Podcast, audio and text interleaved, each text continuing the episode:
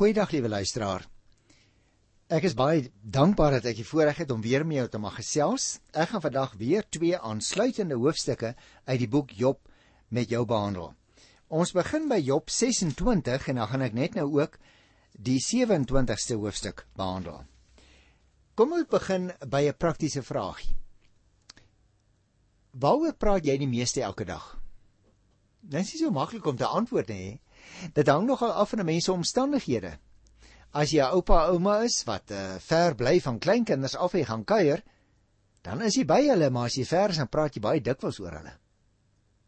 As dit droog is in die land, dan praat ons, veral ons boere mense en mense verstaan dit ook, praat baie oor die droogte as hulle mekaar sien dan vra hulle en hulle sê ek wonder hoe lank kan ons nog uithou?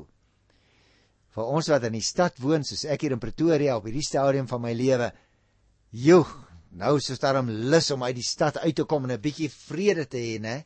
Sê ons mekaar partykeer. Seker die meeste dae wat ons mekaar sien hier in die stad. Maar wie wat? As ek nou na Job kyk in sy baie moeilike omstandighede, dan het hy 'n paar keer gereageer op die raad wat sy vriende vir hom gegee het.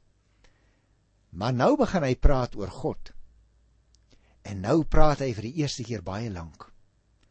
Hy begin 'n lang, ek kan dit eintlik nie anders noem nie, as om te sê hy maak 'n baie lang toespraak. Per slot van sake is dit die langste toespraak of gesprek as jy wil wat Job in die hele boek maak. En waaroor praat hy?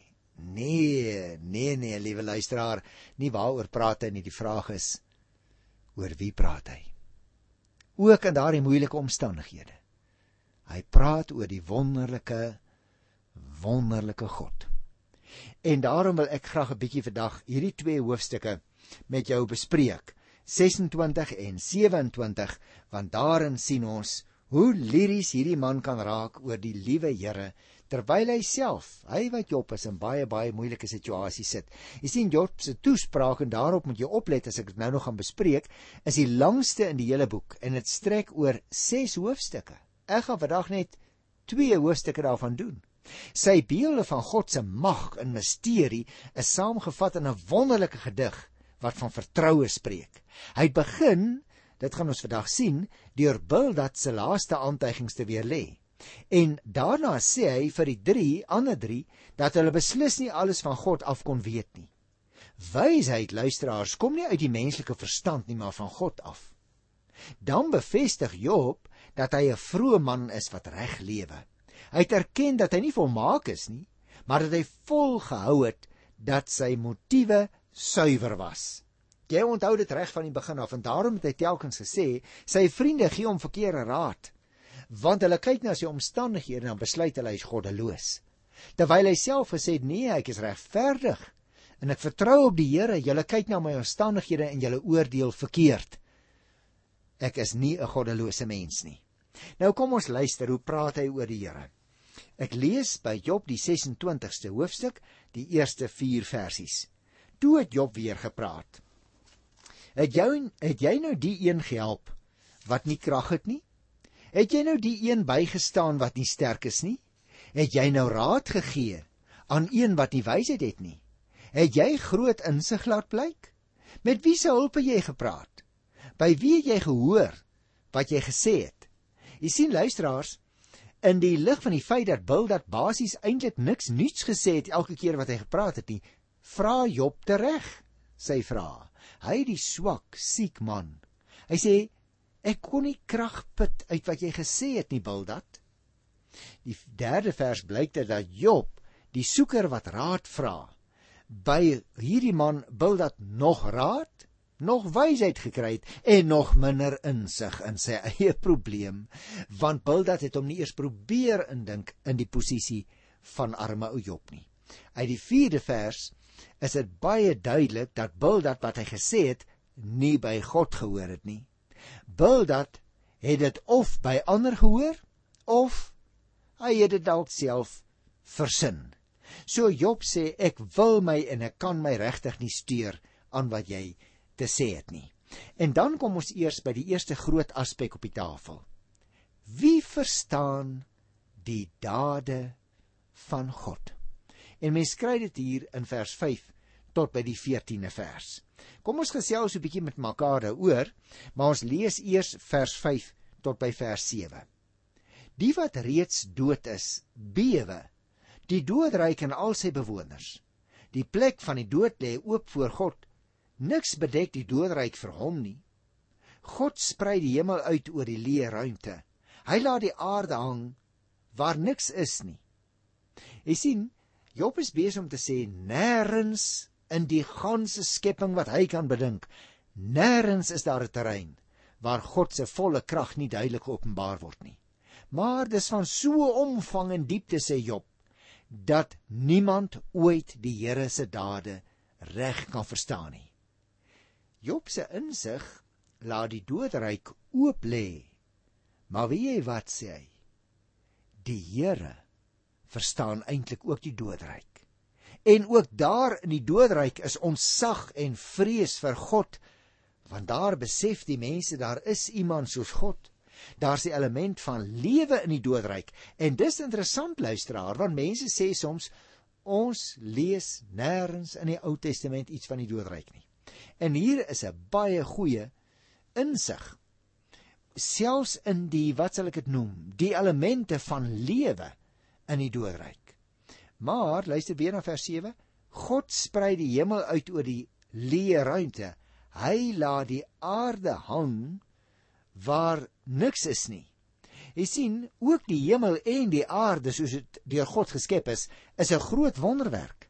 Dit is 'n openbaring van sy krag.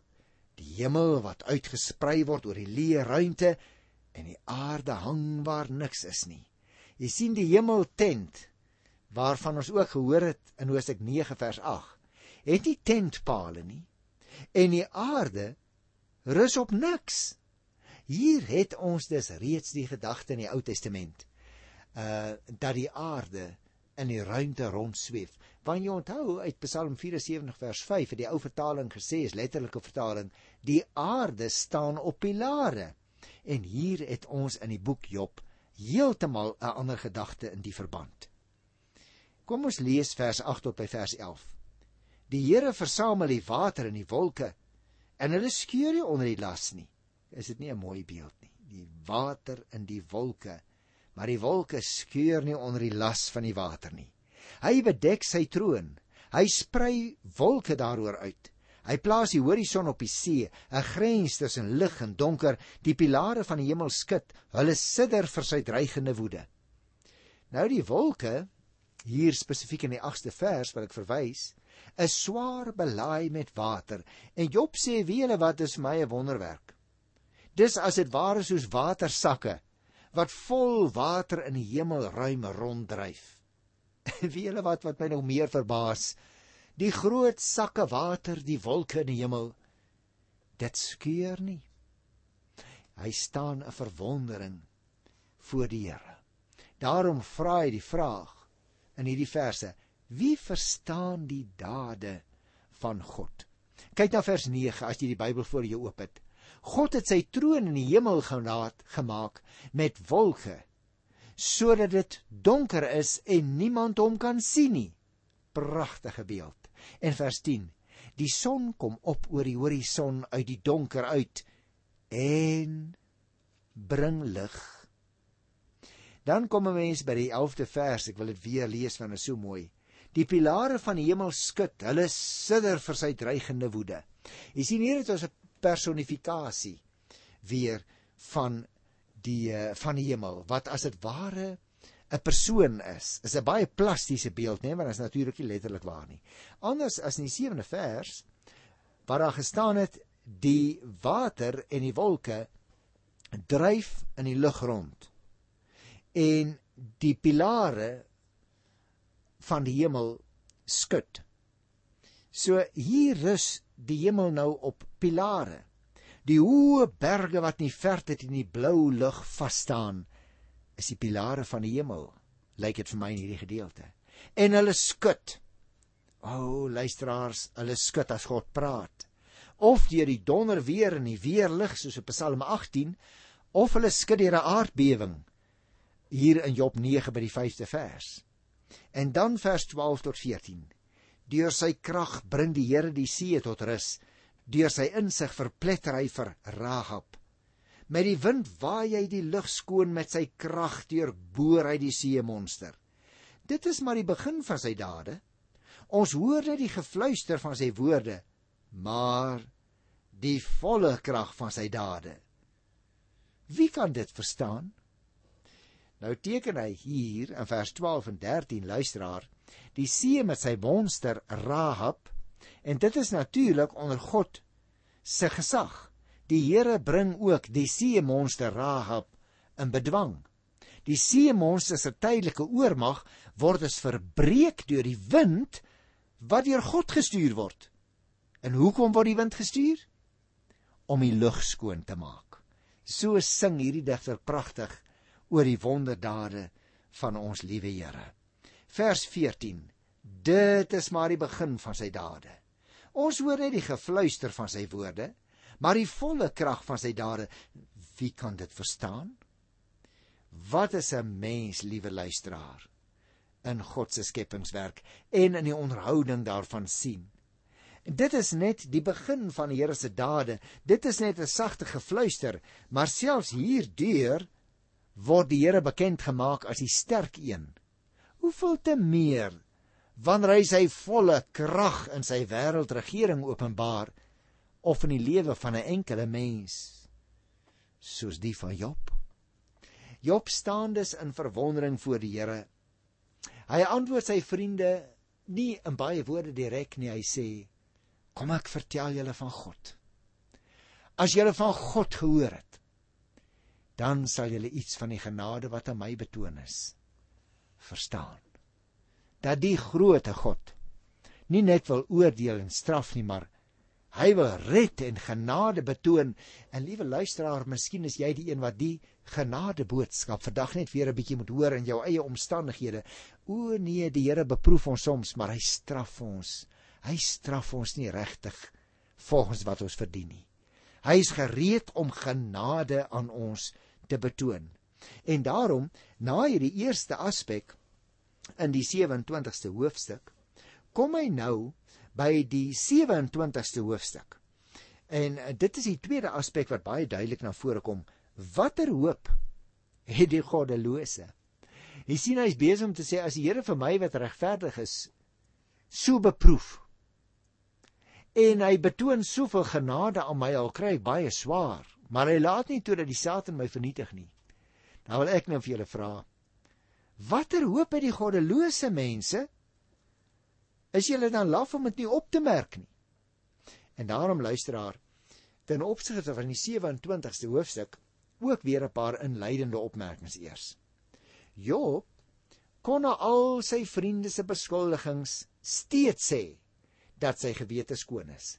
'n Mens kan net op een manier 'n skoon gewete hê en dit is deur regte lewe voor die Here. Wil Job verklaar. En net soos hy kan jy en ek ook nie aanspraak maak op lewens sonder enige sonde nie, dit is waar. Maar weet jy wat? Ons kan in nederigheid sê dat ons klaar vergifnis ontvang het. As ons ons sondes voor die Here bely, vergewe hy ons en kan ons met 'n skoon gewete verder loop op die lewenspad. Jy onthou mos 1 Johannes 1 vers 9. As ons ons sondes bely, God is getrou en regverdig om ons die sondes te vergewe en ons van alle ongeregtigheid te reinig. En daarom is hierdie 27ste hoofstuk uit die boek Job vir my so wonderlik, want Job het saamgestem dat die bose uiteindelik vernietig sal word. Maar hy het nie aanvaar dat hy sleg was en daarom verdien het om gestraf te word, soos sy vriende sê nie.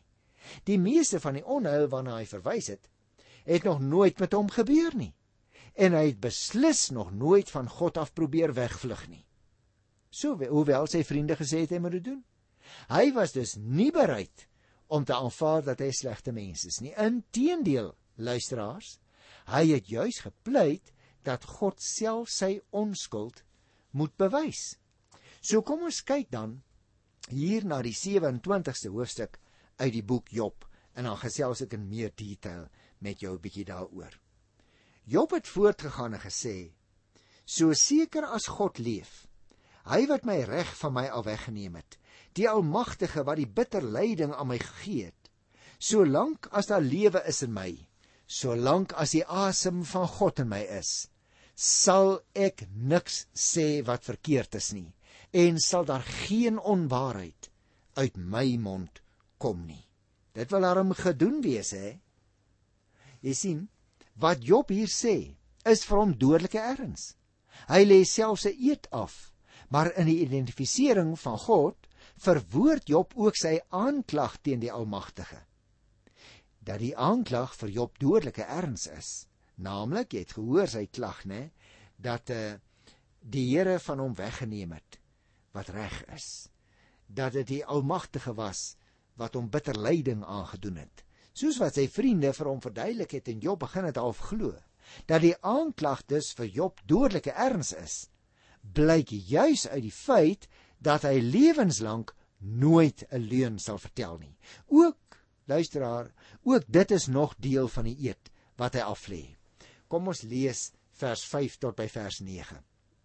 Hy, dit is nou Job, sal end uit daarmee volhou. Luister, daarom kan ek nooit toegee dat julle reg het nie. Tot my dood toe sal ek volhou dat ek onskuldig is. Ek bly daarby dat ek gesê het Ek sal daarvan nie afsien en my lewe lank nie daaroor verwyd nie. Mag met my vyande gaan soos met die goddeloses, met my teestanders soos met die wat onreg doen. Watter hoop het die godlose as sy lewe afgesny word? As God sy lewe opeis, sal God sy hulpgeroep hoor as rampe hom oorval? Job sê dus dat hy end uit daarmee sal volhou dat hy onskuldig is, maar dis nie al nie en nie die bitter lyding verdien nie. As hy afstand doen van sy reg, sal dit hom lewenslank moet pla. En daarmee sê hy dus ook dat hy 'n goeie gewete het wat hom sou aangekla het as hy skuldig was. Job se vriende, moet jy oplet, het sy teenstanders geword. Dit het ons al teëgekom in Hoofstuk 19 vers 22. En omdat hy daarvan oortuig is dat hy onskuldig is en vir God volg, draai hulle teen God deur vir Job te bly beskuldig. So het hulle ook natuurlik God se vyande geword. Goddeloses en godloses wat nie op God se hulp kan staatmaak nie wanneer hulle einde aanbreek en God hulle lewe opeis deur rampe oor hulle te bring nie. As in vers 8 en vers 9 moet ons lees die woordjie wanneer. So kom ek lees weer net 'n oomblik uh vir jou uh by vers 8. Watter hoop het die goddelose? Nou staan hier as sy lewe afgesny word. En dit is duidelik uit wat ek jou net gesê het dat daardie woordjie as ook anders gelees kan word in Afrikaans of verstaan ons dit beter. Kom ek lees dit. Watter hoop het die goddelose? wanneer sy lewe afgesny word. Jy sien, wanneer die goddelose se lewe afgesny word, het hy geen lewe nie. Wanneer die regverdige se lewe afgesny word in hierdie lewe, dan gaan hy voort met die lewe in die hiernamaals in die direkte teenwoordigheid van die Here. En natuurlik sal jy weet luisteraar, die Nuwe Testament leer dit vir ons nog duideliker. Maar nou is ons besig op hierdie punt met die Ou Testament. Kom ek lees dan hier by Job 27 vers 10 tot 12. Vind hy vreugde in die Almagtige? Roep hy God altyd weer aan? Ek wil julle iets leer oor die mag van God. Wat by die Almagtige is, sal ek nie verberg nie. Julle wat dit tog almal al gesien, Waarom dan die sinlose gepraat? Jy sien, hy sê hierso vir ons baie duidelik, die godlose roep hoogstens tot God om hulp as hy in die moeilikheid is. Hy het egter geen vreugde in die diens van die Almagtige nie. Nou jy en ek moet versigtig wees dat ons nie ook so ingestel is nie, hoor. As dit met ons moeilik gaan, dan roep ons tot die Here. As dit met ons maklik gaan, voorspoedig en dit gaan baie goed, ons loop in die sonlig, dan vergeet ons dikwels om tot die Here te roep. Wat Job so sê in die 11de vers, sy vriende nou wil leer oor die mag van God, is presies wat al drie die hele tyd vir Job gesê het en wat hom bitter gemaak het. Want hy sê in die 12de vers: "Julle het tog dit alles gesien. Waarom dan die sinlose gepraat?"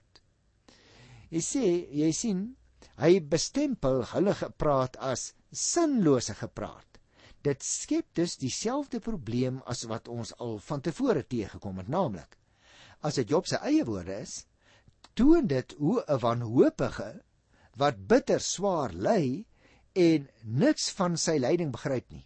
Soms sy verwarde gemoed leeg praat met 'n deurmekaar gepraat, dikwels daarop neerkom dat hy teen homself praat. En daarom, luisteraars, is luister die beste raad en hulp vir iemand wat soos Job nie die argumente nie het om te antwoord nie. Dit word bespotting. Met soortgelyke woorde het sover sal jy nog onthou sy argumente ook afgesluit in die 20ste hoofstuk by vers 29. So Job sê man, julle het te veel gepraat en julle te min geluister. En met julle baie gepraat het dit gebleik dat julle eintlik niks van my situasie verstaan nie, dat julle ook niks van God verstaan nie, want God straf nie sy regverdige kinders op 'n lynregte manier deur hulle soveel smarte te laat verduur nie. As jy, liewe luisteraar, en ek ons sondes bely, God is getrou en regverdig, hy vergewe ons ons sondes. Daarom is 'n mens se omstandighede nie noodwendige aanduiding van jou verhouding met die Here nie. Kyk hier in die 13de vers. Hier lees ons 'n interessante ding want hier gaan dit ook oor wat Job noem geweldenaars. Hy sê dit is die lot wat God uitmeet vir die goddeloses. Dit is wat die geweldenaars ontvang van die Almagtige. Hoe baie kinders hulle ook al is, hulle is vir die swaard bestem. Hulle nakommelinge sal altyd honger ly. Die wat van hulle oorbly, sal deur die pes verteer word en hulle weduwees sal nie oor hulle treur nie. Jy sien, dit is of oorlog of hongersnood of pes, drie van die soorte rampe waarmee God die goddeloses gestraf het. Veral in die tyd van die Ou Testament het die profete dit ook gesê dat die Here straf met uh, rampe en met peste want dit is tekens van dinge van maniere waarop die Here tot die gelowiges wil roep terwyl die goddeloses en die ongelowiges dit nie eens raak sien nie. Kom ons kyk na vers 16 tot 19. Ek gaan dit lees al hoop hulle hulle geld op so stof en al is hulle klere so volop soos klei wat hulle bymekaar gemaak het sal deur die regverdiges gedra word en onskuldiges sal die goddeloses se geld onder mekaar verdeel die goddeloses se huis is tydelik. Soos 'n kokon vir 'n mot. Soos 'n skerm wat deur 'n wagter gebou is. Die goddelose gaan slaap as ryk man. Maar hy doen dit nie weer nie. As hy sy oë oopmaak is alles weg. Jy sien selfs die veilige plek wat die goddelose vir homself bou, die mooi huise van die rykes, bied nie beskerming teen die rampe nie, veral nie teen 'n orkaan nie.